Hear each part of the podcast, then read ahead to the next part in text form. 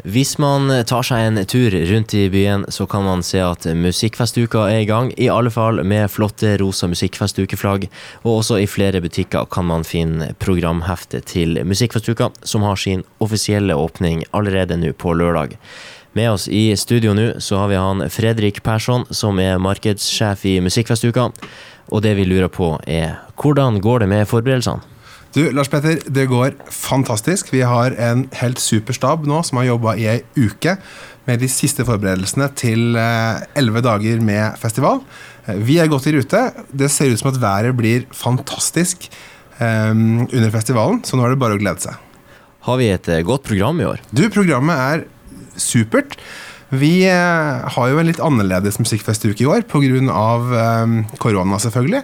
Men vi har allikevel klart å samle det beste vi har av både nasjonale og lokale artister. Så her er det egentlig bare å velge og vrake i opplevelser av høy kvalitet. Og til slutt, hva er det du gleder deg mest til, til, i årets festival, Fredrik? Og jeg gleder meg til masse. Jeg gleder meg til å bli bedre kjent med festivalprofilen Håkon Kornstad, jazzsaksofonist og eh, operatenor. Eh, vi skal ha Beethovens 9. symfoni i Stormens store sal. Eh, Marie Blokhus, Toresen Øverås og Heidi Ruud Ellingsen har lagd forestillingen 'Jeg er et spennende par' om Sissel Bjugn. Spilles i Domkirka. Fantastisk. Jeg gleder meg til utekonserten med Arktisk Filharmoni på lørdag.